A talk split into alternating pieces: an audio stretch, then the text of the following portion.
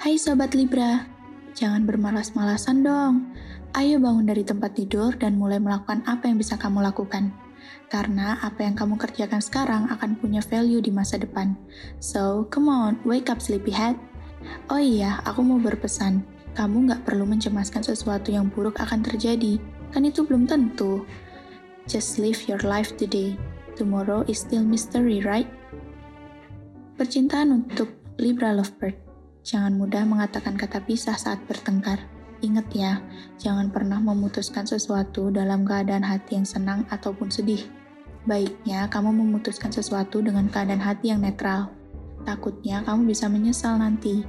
Untuk sobat Libra yang masih single, kamu masih enjoy dengan statusmu saat ini. Kamu juga sedang tidak merasa sendiri? Ya bagus deh, let it flow aja ya.